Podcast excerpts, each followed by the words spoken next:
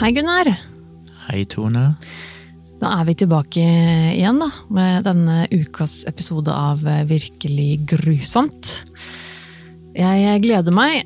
Denne uken er det du som skal fortelle meg en historie fra virkeligheten. Et eller annet som handler om noe grusomt. Det kan være så mangt. Men jeg vet uh, nærmest ingenting om hva du skal snakke om i dag, så jeg må si jeg gleder meg veldig. Ja, Før jeg begynner, så vil jeg bare si takk til alle hyggelige tilbakemeldinger vi har fått på de to første episodene. Vi har fått litt mail på virkeliggrusomt at gmail.com, der folk har sendt dere tips, og det kan du fortsatt gjøre. Så hvis du har tips til grusomme historier ifra virkeligheten, så kan du altså sende dem på mail til virkeliggrusomt at gmail.com.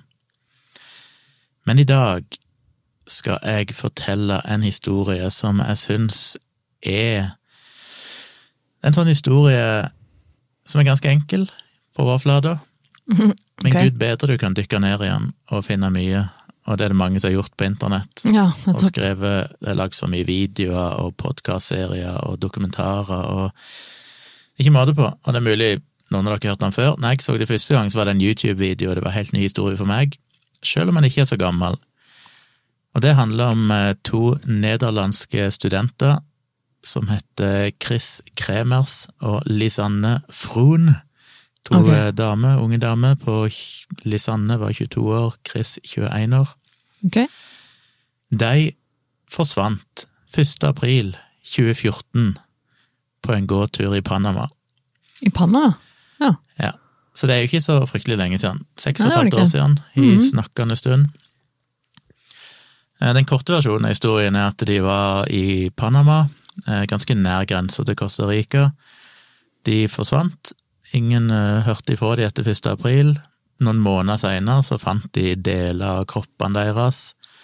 What? eh, og noen eiendeler langt ifra der de opprinnelig hadde vært. Mm. Og den offisielle konklusjonen er at de gikk ut på tur, gikk seg vill, og en eller begge falt ut fra ei bru eller et stup eh, etter å ha gått seg, ja, gått seg vill. Og det er basically historien, altså de er blitt spist av rovdyr og et eller annet sånt. Aha. Men det er mye mystisk med den historien som gjør at det er ikke alle som kjøper den versjonen. Ja. Uansett hvilken versjon du kjøper, alt jeg si, om du tror på den offisielle konklusjonen, eller de litt mer eh, spennende, kanskje, mystiske, så er det mye fascinerende med selve historien. Hmm. Liss og Chris, Lissanne og Chris Hvor var de De- fra, sa du? fra Nederland. Nederland? Ja. De møttes som studenter i Nederland og flytta sammen, jeg tror det var i starten av 2014. Jeg tror de hadde bodd sammen noen uker før de reiste til Panama. De jobba sammen på en kafé og sparte opp penger, og de skulle reise til Panama som en slags en kombinasjon av en slags språkreise for å lære seg spansk. Eh, og så ønsker de òg å jobbe litt med frivillig arbeid i lokalsamfunnet, spesielt med unger. Jeg tror de skulle jobbe på en sånn skole eller et eller annet sånt. Ja. Pluss at Lisanne så på turen som en slags belønning til seg sjøl for å ha fullført eh, studiene sine. Så de ankom Panama, og der skulle de være i seks uker totalt. De ankom 15. mars 2014, og i slutten av mars, altså de to ukene, siste halvdel av mars, så reiste de egentlig bare rundt i Panama, eh, og jeg har sett bilder sånn når de er ute og fester, treffer gutter, ligger på stranda, Mm. lever det gode liv generelt sett. Ja, Det hørtes jo veldig deilig ut å bare kunne reise rundt i Panama, liksom. Ja, det er jo et temmelig idyllisk sted, for å si det mildt. Mm. Eh, Så, i sannsynligvis eh, ja, 29. mars, altså helt til slutten av mars, så kom de til en liten, jeg kaller det en by, jeg tror det var 19 000 innbyggere, så jeg på internett. Jeg var ikke sikker om det var en landsby eller en by, alt etter hva du vil kalle det. Tett sted, kanskje? Ja, som heter Bukett. Bukett. Mhm. Og der skulle de bo hos en lokal familie, så de fikk på en måte et, et rom de kunne dele med et lite kjøkken og sånne ting. Og der skulle de altså jobbe primært frivillig med barn, pluss lære seg språket. Eh, De var litt rundt og sightseer. Den her Bukett ligger på sida av en vulkan, eller en sånn utdødd vulkan. Og det ligger jo ikke så langt, altså dette er jo Mellom-Amerika Ja. som er den smale stripa mellom Nord- og Sør-Amerika, så det er ikke så breit det landet fra Stillehavet til Atlanterhavet. Mm. Men det er en sånn hva er det, transkontinental, nei, det er ikke det dette, et interkontinental, et eller annet sånn fjellkjede som går helt ifra Nord-Amerika, og på en måte, det er på en måte der to plater, eh, jordskorpa regner jeg med, treffes, Ah, ja. og presser imot hverandre, så det er en slags fjellkjede som går oppover hele Ja, ja. Mellom-Amerika og ned i Sør-Amerika, opp i Nord-Amerika. Ja. Så de var på en måte rett på innsida av den, og du kunne gå opp på toppen av den, og da kan du på en veldig god og klar dag, så kan du se både Atlanterhavet på ei side og Stillehavet på den andre sida. Ah, okay. De var ganske nærme den. 1. april så ville de gå en tur. Og da, eh, på formiddagen, så tok de med seg hunden, som var eid av noen som drev en restaurant som heter Il Pianista Restaurant. Restaurant. Og skulle gå en tur i skogen rundt denne vulkanen som heter Baru. Vet du, vet du hvor langt det er snakk om, liksom? Er det langt unna der de bodde, på en måte? eller? Nei, jeg kikker litt på Google Maps og sånn, og det er alltid interessant å bare få plassert ting litt sånn geografisk. Den lille landsbyen ligger, hvis jeg skjønte rett, litt sånn mellom den der fjellkjeden. Ikke en fjellkjede, men en, ikke så veldig høyt, da, men en slags fjellkjede. Mm. Dekka av skog, jungel. Ja. Og vulkanen på andre sida, så det var liksom litt mellom de to. Er det mange timer det tar? da? Liksom, Jeg tror den stien de skulle gå over, noe som heter for Pianistastien, og den var ikke langt ifra byen. Eh, Den var bare åtte kilometer lang, men gjenger på en måte oppover denne fjellkjeden. Ja. Og det er egentlig en enveissti, så du gjenger opp denne stien, så kommer du opp på toppen, der du kan på en god dag se begge ja. eh, verdenshavene. Og så må du bare gå ned igjen. Så må du egentlig gå Samme ned igjen. Ja. Du kan fortsette. Eh, det er en del som sier det er litt sånn diffuse ikke helt blikk, Det virker som at det ikke er noe problem egentlig å fortsette på den stien, Nei, ok. Eh, men det blir liksom egentlig fraråda uten guide. Men teknisk sett så ser det ikke ut til å være farlig, og lokale folk går der hele tida med dyrene, med kyr og alt mulig sånn, så det Ok.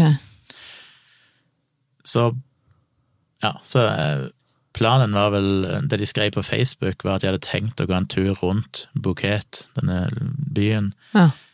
Og de reiste av gårde i ellevetida, og så er det jo eh, Når du leser på internett, så er det fryktelig mye. Det har vært så mye reportasjer, og folk som har skrevet blogger om det og sånn, inklusiv andre studenter sånn som var der. Og noen mener at de hadde sett de spise en sånn brunsj sammen med to unge menn. Um, Før de gikk i landsbyen, liksom? ja, før de Etter de hadde reist fra landsbyen, men før de på en måte begynte på den Ja. turen sin. Ja. Så det er litt sånn, men det er ikke Det er litt sånn, noen har nevnt det, men så har det ikke blitt gjort noe mer med det, og det er ingen som har funnet de mennene og snakka med de og vet hvem de er i så fall, så det vet vi ikke. Mm. Men det gikk nå iallfall. Men så, på kvelden, ganske seint på kvelden, så kom plutselig denne hunden tilbake igjen helt alene. Å, Og da ble jo eieren av denne restauranten bekymra. Ja. Men det virker jo ikke ut ifra det jeg leser om at det ble gjort noen ting akkurat da. Okay. Først neste dag, altså 2. april, så skulle de egentlig ha møtt en lokal guide, leste jeg et sted, men de møtte ikke opp, og da ble det vel på en måte bekymring. Men i starten så visste du ikke hvor jentene, jeg kaller jente, jenter, de unge damene, unge kvinnene, hvor de var hen. Så de visste ikke helt hvor de skulle lete. Eh, Men 3. april, altså dagen etterpå igjen, så begynte lokale myndigheter å utføre søk ifra luftet, med sikkert helikopter. Så først to dager etter at de ble borte, da? Ja, Ja. og innbyggere, lokale innbyggere begynte å lete i jungelen der og sånn. Og så var det vel et eller annet med at eh, de fikk tak på en taxisjåfør et par dager seinere, som er Litt usikker på akkurat når det var, om det var 3. april eller 4. Men en som jeg tror skulle ha kjørt de fra Bukett til der denne stien starta, og han fortalte på en måte hvor han hadde sluppet de av hen. Og da visste de på en måte hvor de hadde gått hen, og begynte å lete mer intenst. 6. april så kom jo foreldrene til begge disse damene til, fra Nederland til Panama sammen med nederlandsk politi, og de hadde hundepatruljer og detektiver fra Nederland Mm. som skulle gjennomføre et omfattende søk i skogen i ti dager, for de hadde ikke funnet noen tegn til liv i det hele tatt. Yes. Og foreldrene utløste 30 000 dollar, amerikanske dollar i belønning. Så det var mye insentiver for at folk skulle prøve å finne dem. Mm. Eh, ti uker seinere, ti uker, to og en halv måned, Wow. gikk det uten at de fant et eneste spor av de, De var bare helt, helt forsvunnet. Så fant en lokal kvinne en, en sånn blå, enkel liten ryggsekk som hun Lisann hadde med seg. Okay. Og hun sa han ble funnet på et jeg tror det var et risjord, iallfall på sida av en elvebredd, ganske i nærheten av landsbyen hennes, som heter Alto Romero. Og det er noe sånt som tolv timers gange eller noe sånt ifra der de opprinnelig Oi. skulle ha vært, så det var ganske langt unna. Ja. Men så vidt jeg har skjønt, så renner der en elv omtrent hele veien, så de Ah. mener han kan ha blitt ført med elva. Det rare er jo det at det var en ganske sånn enkel, billig polyestersekk, men han var helt tørr, Aha. og det hadde regna dagen før, og hun var helt sikker på at ikke hun hadde sett han der dagen før, på samme sted. Alt som var inni, var helt tørt og i god stand, Mm. og inni fant de et par solbriller, altså to par solbriller, eh, 83 dollar i cash, passet til Lisanne, ei vannflaske med vann i, kamera, hun hadde sånn Canon eh, kompakt digitalt kamera, Mm. to BH-er og mobiltelefonene til begge to. Og alt var pakka fint og som sagt tørt og i god stand. What? Og det hadde regna kraftig, og hvis han hadde kommet med elve, så ville det helt umulig at det som var inni skulle være tørt. Ja, jeg tenkte liksom at kanskje, kanskje det Altså at det hadde tørka igjen så fort at det ikke Men det også er jo litt rart. De hadde jo mobiltelefoner og kamera oppi, ingenting av det var pakka i plast eller noe sånt, Nei, alt virka jo det- ikke skada, så alt tyder på at det har vært tørt hele tida. Mm. Så hvordan denne havna der, hvis ikke han er blitt ført med elve, så langt ifra der de opprinnelig skulle være, er vanskelig å forstå. Ja, det er jo uansett litt rart, da, for jeg tenker at eh, om det da har Om det er noen som har lagt den der, eller om den har ligget der en stund uten at hun dama har sett den, så er det jo på en måte litt rart eh, uansett, da. Ja, det regner som sagt natt, eller dagen eller natta før, Ja. så uansett, hvis han hadde leid der, så skulle han egentlig ha vært blaut hvis ikke han ble plassert der samme morgen, eller noe sånt. ja. Veldig mystisk. Men det blir jo enda mer mystisk. Eh, Politiet begynte jo da å undersøke mobiltelefonene til disse to jentene. Ja. Chris hadde en iPhone, og Lisanne hadde en Samsung Galaxy. Det de fant, var at 1. april, altså samme dagen som de reiste, og tidspunktene er litt usikre her, fordi at um, de reiste jo visstnok, regner de med, i ellevetida ifra byen, og så er det noen som mener å ha sett de i starten av stien i totida. Okay. Så de mener at de kan ikke ha begynt å gå før i totida omtrent. Ja. Men allerede cirka halv fem, eller 16.39 spesifikt, så er det gått en oppringning ifra Chris sin telefon til de prøvde begge to å ringe både 112, som er sånn internasjonalt nødnummer, som da skal bli viderekobla til Oi. det lokale eller nasjonale nødnummeret, um, og 911, som òg skal bli viderekobla. Eh, Men det var så dårlig dekning at ingen av samtalene kom gjennom. Så klokka 16.39, altså samme dagen, kanskje bare to og en halv time etter de reiste, så de prøvde av en eller annen grunn å ringe nødtelefonen. Ti minutter seinere så prøvde jeg jo den andre telefonen, Lisanne sin Samsung Galaxy, eh, klokka 16.51 å ringe, og det var kun de to oppringingene som er blitt registrert i loggen på telefonen. Dagen etterpå, 2. april, så prøvde Chris med sin iPhone å ringe to ganger til 112, og Samsung-telefonen til Lisanne ble forsøkt å ringe ni ganger til nødnummer. Eh, ingen av gangene så kom de gjennom. 3. april så prøver igjen Chris sin iPhone å ringe til 911 én gang, Shit. og så ble han slått på litt seinere på dagen for å sannsynligvis sjekke om de hadde signal, men så skrudd av igjen. For her ser det ut til at telefonene egentlig ble skrudd av mellom hver gang for å Ja. spare batteri. Ja, så, ja, ja, selvfølgelig. Eh, to ganger Samsung-telefonen ble skrudd på to ganger for å sjekke signal, men ble aldri ringt ifra den. 4. april, altså tre dager etter de er forsvunnet, så prøver iPhone igjen å sjekke signal to ganger, men ingenting skjer på Samsungen. 5. april så sjekker iPhonen etter signal to ganger, og Samsung-telefonen gjør det samme, men går da tom for strøm, så etter det er ikke den skrudd på igjen. Nei. Og så sier jeg bare yeah, iPhone, som tydeligvis eh, hadde bedre batteri. um, og ingen av telefonene gikk igjennom, bortsett fra én av oppringingene til 911 den 3. april. Den klarte å connecte i litt over ett sekund før forbindelsen ble Et sekund, ja. Men den kom iallfall gjennom, så jeg hadde sånn så vidt dekning, men ikke godt nok til å holde oh, dekningen gående. Og etter 5. april, som sagt, når den eh, Samsungen ble skrudd på siste gang, så gikk batteriet tomt. Så etter klokka fem om morgenen så er den aldri brukt igjen, før han ble funnet i sekken. Det ble ikke foretatt noen flere oppringere fra Chris sin mobil fra iPhonen etter 5. april. Eller hun ringte vel ikke 3. april var siste gang de ringte, men hun prøvde å sjekke signalet flere ganger. Ja. Men han er blitt skrudd på flere ganger etter det, bare for å se om det er dekning, men ikke forsøkt å, å ringe. Ja. Og så kommer det noe som er jo litt scary, at etter 6. april så blir det forsøkt tasta inn feil PIN-kode mange ganger på iPhonen. Oi. Eh, iPhonen tilhørte jo Chris. Lisanne sin Samsung hadde gått tom for strøm. Mm. En må jo anta at Chris vet sin egen PIN-kode. Hun hadde to koder på han, for hun måtte både taste PIN-kode for å komme inn på telefonen, som for øvrig var 0556, sier alle offisielle dokumenter. Ok. Eh, Men du måtte òg taste inn PIN for å åpne SIM-kortet. Ja. Så var det to koder du måtte taste inn hver gang hun skulle prøve å ringe. Eller skrudde på telefonen på nytt. Så fram til 5. april, når batteriet gikk tomt, så ble alltid rett PIN-kode brukt, så det tyder jo på at det var Lisanne sjøl som brukte telefonen. ja. Men etter 5. april så blir det forsøkt å åpne mange ganger, men det blir alltid tasta feil koder. Men det kan jo være Chris. Ja, så da lurer en på er det, he- hvorfor gjør er Lisanne død på det tidspunktet? Ja, ikke sant. Ja. Og Chris prøver, er det, så er jo alltid dette spørsmålet var det en tredje person inne i Ja. bildet her? ja. Ingen vet, men det er tydelig at ikke Lisanne er tilgjengelig lenger etter 5. april Mm. for å prøve å åpne telefonen. Og så, mellom 7. og 10. april igjen, og da har det ikke vært ringt siden 3. april, jeg se, men mellom 7. og 10. april så blir det foretatt 77 forsøk på å ringe nødnummer ifra iPhonen. What?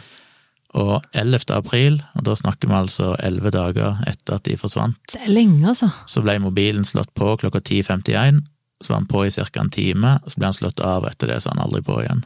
Hæ? Så det er mobiltelefonene her som vært brukt så lang tid som det, men etter 5. april så kom vi jo aldri inn på telefonen, så det er bare slått på mange ganger for å sjekke etter signal og prøve at For det er viktig å huske på at du kan ringe nødnummer selv om ikke du taster inn PIN-koden. Så det er både forsøkt å sjekke etter signal, men ikke blitt ringt. Jo, det er det jo, mellom 7. og 10. april ble det jo ringt mange ganger, men det kom seg ikke inn på telefonen, får ikke PIN-koden. Mm. Så det var det ene som var mystiske. Nummer to, som jo gjør denne historien spesielt creepy, for at dette er jo den evidensen som er igjen, og det er alltid gøy når du faktisk kan se ting som er skjedd. Og det er jo at eh, de sjekka jo både bildene på mobilen, men også på kamera, Ja, de hadde et kamera med seg. og der fant de jo litt av hvert. Oi. Og alle disse bildene ligger på nett, og vi kommer til å legge inn linker i shownotes, Ja, så dere gjøre. kan eh, sjekke ut bildene sjøl. Åh, shit, jeg fikk litt sånn gåsehud. Ja, altså det er jo, det finnes mange bilder i disse galleriene, både fra de to ukene de var og, og hadde det fint i Panama før de kom til Bukett, der de festet og på, på stranda og alt mulig sånn. Men det er jo en del bilder fra 1. april, når de gikk på denne turen, og der er de smilende og glade og står på oppe i skogen og på fjelltoppen og gjør forskjellige ting. Eh, så er det jo folk som er dykket inn i disse bildene og spekulerer i ting som de syns ser rart ut. Aha. Noen har spekulert i disse bildene ser photoshoppa ut, eller skyene på det ene bildet er jo helt annerledes enn skyene på det andre, selv om de bare er tatt med et par minutters mellomrom. Aha. Som jeg òg syns var rart. Noen har jo gått virkelig inn i dette og satt bildene på sida av hverandre, sånn du kan se at det er samme bakgrunn, men på ett bilde så er det helt overskyet omtrent, på det andre så er det helt blå himmel med bare et par skyer.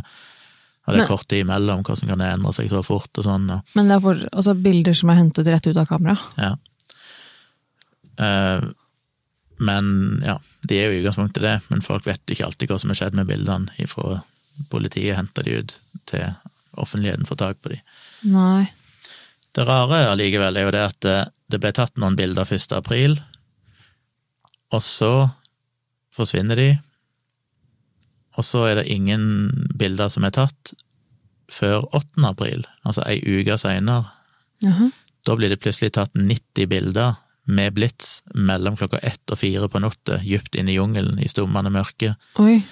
Og de fleste av de bildene, opprinnelig så ville ikke familien offentliggjøre alle bildene, noen har spekulert i at det kanskje var ubehagelige ting å se på de, Eh, men i ettertid så har de fleste av de blitt lekka på forskjellige måter, de er ikke så veldig interessante. Ok. De bildene de har fra 1. april når de er ute og går tur, de er liksom først smilende og glade og sånn, og så de to siste bildene, da ser du hun Chris, tror jeg det er, først med ryggen til, på vei ned en skråning mot en sånn bitte liten bekk, og så Hvor lang tid var det? Det var 50 sekunder eller sånn seinere. Så er det tatt et nytt bilde der hun står på andre sida av bekken på en stein og på en måte snur seg mot kamera. Det er hun som står og tar bilde, som ser ut til å stå litt over henne. Hun står på en stein eller oppi en liten skråning eller sånn. Mm. Som folk har tolka som at hun ser bekymra ut i ansiktet, eller men det er sånn, jeg vet ikke, jeg. Syns ikke hun ser, mer ut som at det bare er tatt litt sånn uforberedt. Ja, ok.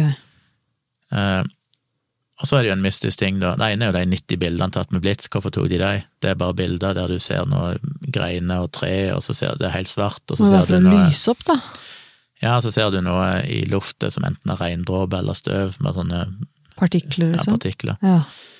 Men det er vel noen få av bildene der du ser noe. I den ene ser du på en måte kanten av et, ei skråning, eller sånn stup, holdt opp, så. Ikke egentlig et stup, men mer en sånn kant av fjell, og så ser du at det går veldig bratt ned på andre sida.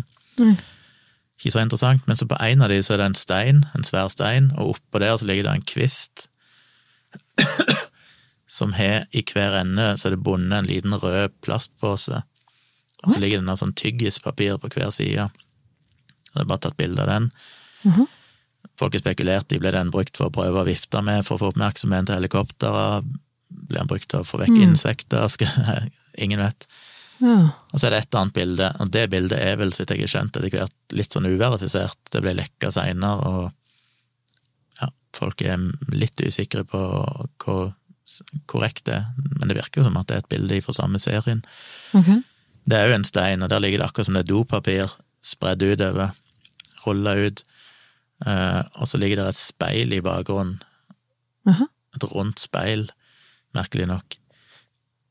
Og det har jo blitt spekulert i om de hadde prøvd å skrive SOS med dopapir på bakken, som Ja.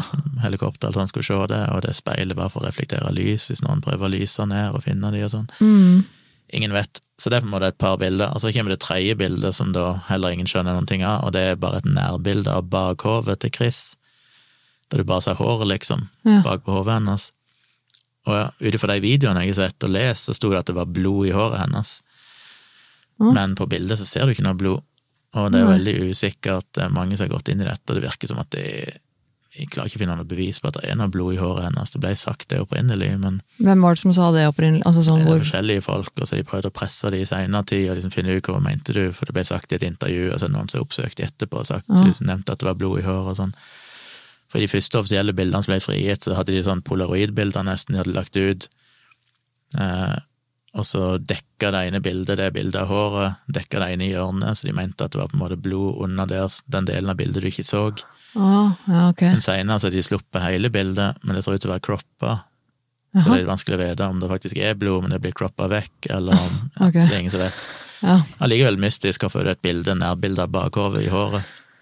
Og husk Ja. at disse bildene ble tatt 8. april, ei uke etter de forsvant, ja. Jeg tenker jo umiddelbart... og i stummende mørke. Ja, for det er det, da. For jeg tenker umiddelbart at eh, de da sikkert har brukt eh, blitsen på kameraet som lys, ikke sant? Ja, noen har spekulert i det, men så sier de jo at det vil være en teit ting å gjøre, for hvis du er i stummende mørke og bruker blitsen, så blir du basically blind etterpå en stund. Så Ja, du vil egentlig bare du- gjøre det dårligere. Ja, men ikke sikkert du tenker over det der og da, hvis du er desperat på å se noe. du kan gjøre én gang, men du tenker 90 ganger, så må du merke Ja. at dette her ikke funker så bra. Noen mener at det kan ha blitt brukt for å skremme vekk dyr. Noen mener at det kan ha vært for å prøve å få oppmerksomhet, at noen skal se dem. Men ofte er jo bildene bare tatt i samme retning med få sekunders mellomrom. Men det er jo tatt ca. ett bilde annethvert minutt i snitt i løpet av de tre timene. Så de var ganske heftige med blitsen. Og det ser ikke ut til at de beveger seg så veldig mye i løpet av den perioden for bildene og sånn, så mystisk. Og så kommer det denne, en enda en mystisk ting, og det er at det mangler et bilde. Jaha. Bildene er jo nummerert, og bilde nummer 508 er vel det siste bildet i dagslys når de er på turen, den 1. april. Og så kommer bilde 510, den er natt til 8. april. Og bilde 509 mangler. Og det er mange som har testa dette kameraet ettertid, eller tilsvarende merker, sånn, og finner ut at hvis du hadde tatt bildet og så sletta det, og så tatt et nytt et, så vil det bli nummer 509. Så det betyr at de må ha tatt nye bilder etterpå, og så seinere gått tilbake og sletta det, sånn at du fikk et hull i serien. Ja. Det rare er jo det at ingen har klart å gjenopprette det. De har hatt sånn forensic detectives, alt mulig sånn eksperter på kamera og lagring ja, til minnekortet, og så Ja. prøvde å gjenopprette det. For normalt når du sletter et bilde, så sletter du egentlig ikke dataen, du sletter jo bare filnavnet fra oversikten og sier at dette finnes Ja. ikke lenger. Men det er veldig rart at ikke du klarer å gjenskape noe av det. Det ble riktignok tatt 90 bilder etterpå, så noen av de sektorene på disken kan ha blitt skrevet over, men normalt ja. er det rart at 100% skal bli skrevet over, for det var mye ledig plass. Mm. Så er det mange som spekulerer i, og det er bare spekulasjon at den eneste måten å klare å fjerne 100% av bildet, er at noen har tatt minnekortet inn i en datamaskin og utført en sånn secure delete på det. Hvem har gjort det? De hadde ikke med seg noen datamaskin. Andre mener at det ble bare sletta av de sjøl, ingen vet hvorfor. Men så virker det rart at de har sletta det, for noen sier ja, de kanskje tok et bilde der de ikke følte de så så bra ut, så sletta de det. Men de, har jo, de hadde på samme minnebrekker, så var det jo bilder fra hele turen. Mm. Og mange av bildene var ikke spesielt flatterende nødvendigvis, og de hadde aldri sletta noen bilder tidligere, det var ingen andre hull i serien. Mm. Det var kun det siste bildet som skiller 1. april og de nattbildene fra 8. april. Men det har de aldri klart å finne. Ingen har klart å gjenopprette de dataene, ikke engang deler av det. Normalt så vil det være igjen kanskje 20% eller 50% av dataen vil iallfall ligge der, Åh, så irriterende. men det er ingen som vet. Blir så nysgjerrig. Uh, ja, så det er på en måte det som er mystisk. Um, noen noen uh, uker seinere så fant de altså denne her ryggsekken, det var ti uker seinere. Litt etter det så begynte de da å leide langs elva, og da fant de etter hvert uh, dongerishortsen til Chris. Og den var sippa opp, altså glidelåsen var sippa, og den var fint bretta og lå på en stein noen Ja. kilometer ifra der ryggsekken ble funnet. What? Er jo helt tørr og fin. Ok. Og når du ser på bildene, så hadde begge to på seg bare en shorts og en singlet og Ja. bh. Ja, for det var jo varmt, så de var jo ikke så Og du kan se på bildene fra 1. april når de er på fjellet der, at de har på seg bh-en begge to, og det er samme bh-en. For du ser Å, på ja. en måte under singleten, det stikker jo litt ut på stroppene og sånn. Ja, Du kan gjenkjenne mønsteret. Men de to bh-ene ble jo funnet i sekken, I sekken, ja. så en eller annen grunn har de tatt av seg bh-en begge to og lagt i sekken òg, Huh. som er jo litt rart. Ja. Eh, og så gikk det jo to måneder etter de fant eh, ryggsekken og det, så fant de plutselig et hoftebein, altså halve hoftebeinet omtrent, eller, Oi. og en fjellstøvel, eller fjellsko, med restene av ei fot inni, som de da senere fant ut at hoftebeinet, og det tilhørte, jeg skal gi hvem som var hvem, jeg tror fjellstøvelen var Chris sin, med hennes hode, det ble tatt DNA-tester og sånn, og bekreftet at eh, det var hennes DNA, og når du ser på bildene, så kjenner du igjen skoen, at det er det samme skoen hun har på bildene. Og det hoftebeinet tilhørte òg ei av de. Men de var altså Hoftebeinet tilhørte den ene og skoen Jeg den husker ikke om det var to skjellige eller om det var samme, men de, okay. fant, og de har funnet etter hvert, over lang tid, sånn, så har de funnet noen flere beinfragmenter, Yes. både oppover og nedover i elva. Eh, Ja. Så det ser ut til å være spredd over et stort område. Så er det jo diskusjoner, for de mener at noen av disse knoklene de har funnet, og de, de tror de har funnet omtrent 28 eller 30 knokkelfragmenter. Okay. Mange av de er fra foten til ho Chris, bare små deler av den, liksom. Aha. Som er litt merkelig. Ja. Eh, Men de mener at de noen mener at de har vært, ser ut til å være liksom kjemisk bleka, What? og så er det diskusjon om har de blitt det. Har de ikke ligget i vann, da? Eller? Jo, de mener, sånne eksperter på dette her mener at det er veldig rart at det ikke skal være noen ting rester av kjøtt, holdt på å si, muskler og noe fett og sånn igjen på knoklene. Ja. Etter den tida så burde det vært noe igjen, men de var liksom helt, helt kline. ja, jeg vet ikke om det er så Jeg tenker hvis de har ligget ute i naturen, da, åpen for både vær og vind, men ikke minst dyr og insekter og Ja, men så kommer det andre, da, det er jo det at de har analysert disse beina under mikroskop og sånn, og finner ingen tegn på verken tenner, kniv, det finnes ingen mikroribe i de eller noen ting. Så det er ingenting som tyder på at de har blitt tygd på av dyr. Eh, Mm. Og som sagt, dette er jo nederlandske eksperter som har sett på det og sier at det er veldig rart at ikke det fins, at de liksom var helt rensa fra kjøtt og sånn, men det er ikke noe tegn på at det er bitmerker eller noe sånt. Ja, det er litt rart, kanskje. Men det er iallfall DNA-testa og bekrefta at det tilhører deg. Eh, De knoklene til Lisanne hadde visstnok litt grann hud på seg, mens Chris ja, det var sånn det var, Chris sine fremsto som at de var bleka eller rensa. Huh. Og som sagt, ingen merka på det i det hele tatt. Så den offisielle historien er som sagt at de gikk seg vill 1. april. Prøvde å ringe nødnummer og sånn, kom aldri gjennom. Etter åtte dager så døde de. Eh, kanskje de falt ifra ei bru, som sagt, for de måtte et eller annet sted der, så kan du krysse over en sånn veldig sånn smal, skral bru, så du bare kan gå én person over om gangen. Ja. Eh, kroppene ble spist av dyr og rensa, og alt ble ført nedover med elver, og så fant de dette etter hvert nedover. Men for det første er det ingen som skjønner hvorfor de gikk så langt, for som sagt, de gikk opp til denne toppen, og da da var det jo allerede på ettermiddagen, og det er litt vanskelig å forstå at de ville fortsette rett framover. De kan bare ha tatt feil og tenkt at hvis de fulgte stien, så kom de rundt og tilbake igjen til Bouquet, men det gjør du ikke. Og de skal visstnok ha researcha dette på internett i forkant, så det virker litt rart at de tok så feil. Ideen om at de har gått seg vill, er jo noe som mange tviler på, for det er foreldrene deres, når de kom der, så har de senere lagt ut en YouTube-video av seg sjøl der de går samme stien sjøl, og foreldrene sier at det er klin umulig å gå seg vill her, det er én sti du følger, og den Mm. går bare én vei, og den er ikke vanskelig å se, eller noen ting sånn. Mm. Så du kan basically ikke gå deg vill, og de syns det virker veldig rart. Hvis ei av de ble skada, hvorfor i all verden fulgte ikke den andre hunden tilbake da? Hunden visste jo i det minste Ja, veien. hunden også, ja. ja, ja, hunden gikk jo bare tilbake igjen samme kvelden. Og de fortsatte i dagevis etterpå, tydeligvis. Hvorfor finner de bh-en i sekken? Hvorfor ligger denne shortsen på en stein? Hvorfor er ingenting av det vannskada? Det ligger i en tørr sekk som ble funnet ti uker seinere. Um, hvor ble det av dette bildet? Hvorfor ble det sletta? Det eneste bildet på hele turen som blir sletta, er liksom akkurat når de forsvinner. Mm. Hvem er det som har prøvd å taste inn PIN-koden gang på gang på gang? Hvordan kan de ha levd i elleve dager og ikke blitt funnet? For det syns de òg er rart, for dette er et område som ikke er spesielt. Det er mange som har skrevet bloggposter sånn, som er kjent i det området, som, folk som har vært der hele livet, som sier at du kan ikke gå mer enn et par dager der maks før du møter andre mennesker. Det er ikke en sånn Ja, lite trafikkert plass. Ja, så det er, ikke, det, er ikke, det er ikke øde langt ute i Det er skauen? for på en øde, måte. men det er liksom en sti folk bruker, og lokalbefolkningen bruker og går forbi der. Ja, det fins mennesker i området, Ja. liksom, så det er ikke Ja, ok, jeg Og det var jo ikke superlangt ifra folk, det var åtte kilometer, den Ja. stien. Ja, det, er så- ikke så, det er jo ikke så langt, liksom.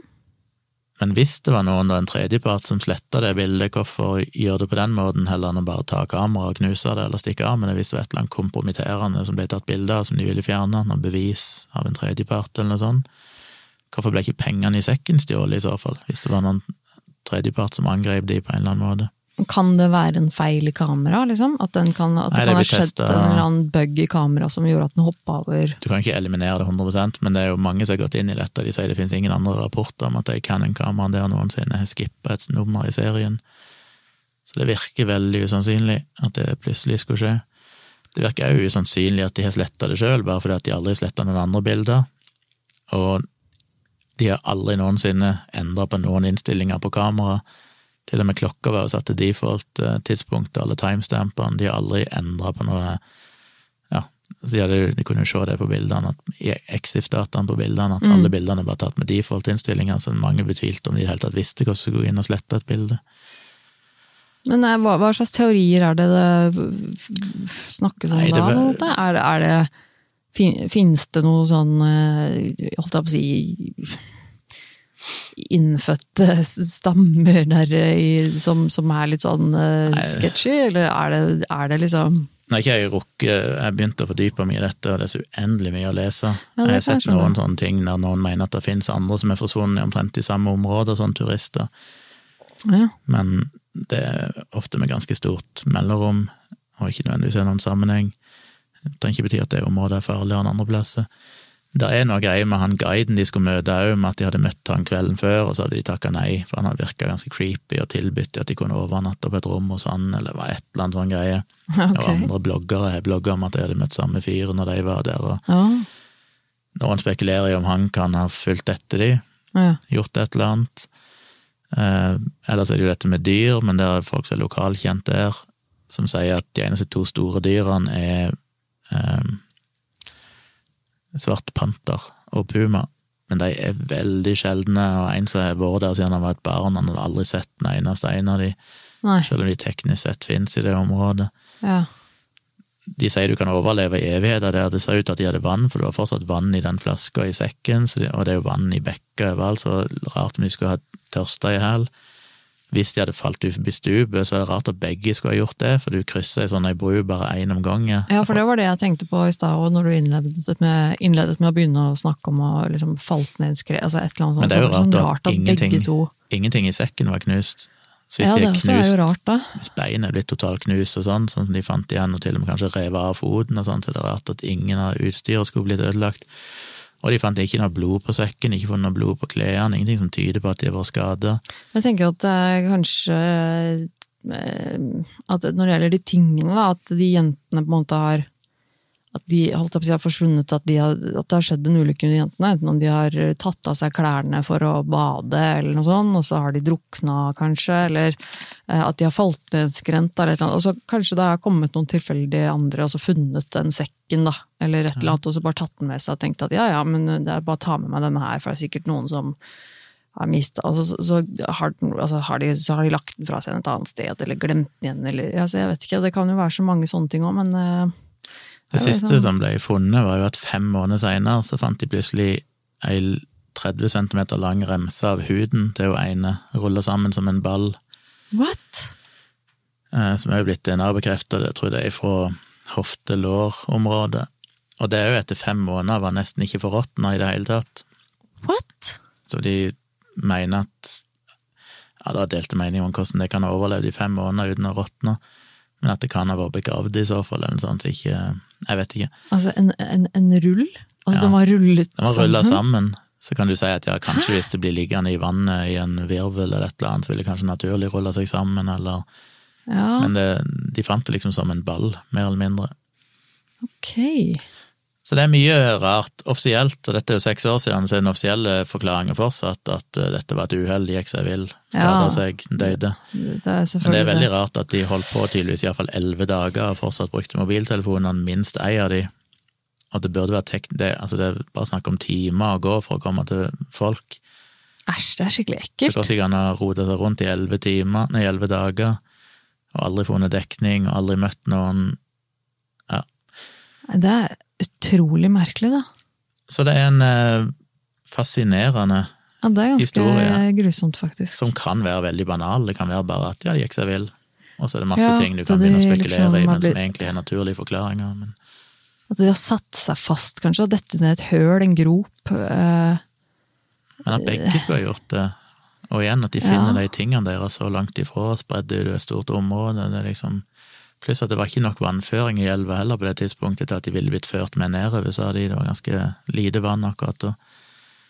Så det Anyway, folk kan eh, researche mer sjøl. Jeg legger ut linker til bildene. Der ligger YouTube-videoer. En blogg jeg fant som var uendelig lang, med ei som har brukt tydeligvis evigheter på å samle alt av informasjon som finnes i en eneste lang bloggpost som du må scrolle i side etter side etter side etter side. På en vegg av tekst, men veldig interessant. Da har på en måte funnet alle kilder og bilder og analysere alt i detalj wow. som jeg legger med link til, hvis dere har lyst til å fordype dere i det. Da tror jeg ikke jeg har noe mer å si. Eh, Spørsmålet da blir jo hvordan rangerer du den på grusomhetsskalaen? Æsj, ja. Jeg kjenner at uh, ja, jeg Den er litt sånn ekkel, altså. Den er jo det. Den er jo ganske ekkel. Den gir meg litt sånn klump Tusen magen. Tusen ganger eklere fordi vi har bildene. Hadde ikke hatt Ja, det bildene, er så hadde det bare vært en historie om to jenter som forsvant. Ja, men det er det at det er såpass mye av det som er dokumentert, da. Mm. Eh, på en såpass sikker måte at du på en måte må, må stole på det til en ganske høy grad, liksom. Ja, vi vet de er døde, for de fant Ja, knokler med DNA. Ja, jeg tenker også på at de har liksom noen bildebeviser, de har noen bevis ut fra logger på mobiltelefoner, og ditt og datt, så det er liksom ganske mye av, av historien som vi vet med ganske høy sikkerhet at har skjedd, og det gjør det jo ganske mye mer creepy. Det er mye konspiratorisk når du begynner å grave i dette, så er det folk som spekulerer i om lokale myndigheter kan ha sletta bildet fordi at de ville skjerne noe, et eller annet. og Ja. Det er folk som er skeptiske til politiet sin jobb og mente at de gjorde et altfor dårlig søk i starten. og Det er mye en kan grave seg ned i der òg. Det er, jo, det, er jo veldig sånn, det er veldig lett at det blir eh, creepy og ekkelt når man ikke vet. Og så vet Ja. jeg jo samtidig det at, eh, at vi mennesker har en tendens til å tenke at eh, tilfeldigheter er veldig sjeldne. Men eh, tilfeldigheter er jo veldig vanlig. Spørsmålet er jo kan du Um, forklare alt uten å trekke inn at det var en tredjepart med i bildet. Nei, det er det jeg også tenker, da. At det, at eh, jeg, med en gang du nevnte denne guiden som var litt creepy, som kanskje hadde fulgt etter dem, så tenker jeg at da er det jo mulig at det faller en del brikker på plass. Men eh, nei, skalaen allikevel, hvis det var en, en tredjepart som er tatt i, hvorfor Hvorfor skulle denne personen prøve å ringe nødnummeret? det, det eneste som ville ringt nødnummer, er vel jentene sjøl, og det gjorde de jo helt opp til elleve dager etterpå.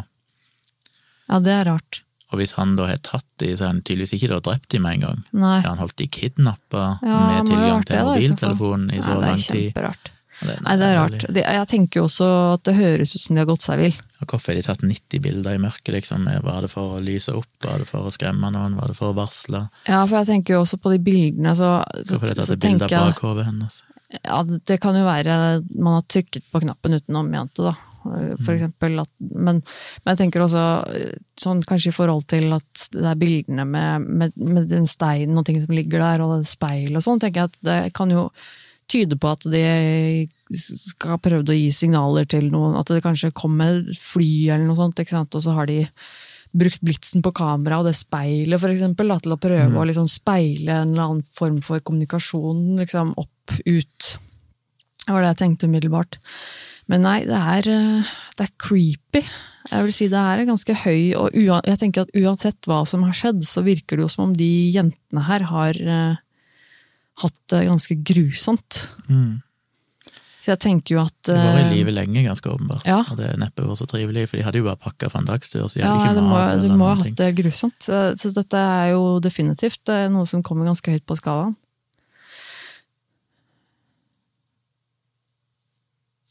Ja, ja jeg, vil, jeg vil, eh, vil nok si eh, Det blir teit om jeg sier åtte igjen, eller? Nå er liksom, Nei, føler det som at forrige, forrige historien du kom med, den ga jeg åtte, for det ikke, gjorde jeg ikke det?